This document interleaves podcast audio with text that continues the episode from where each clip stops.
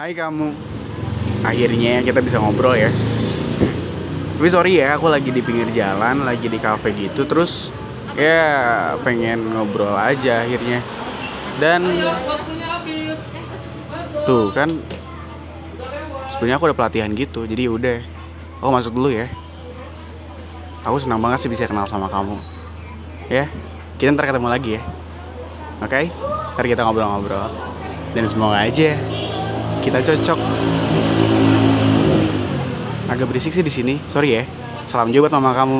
Dah.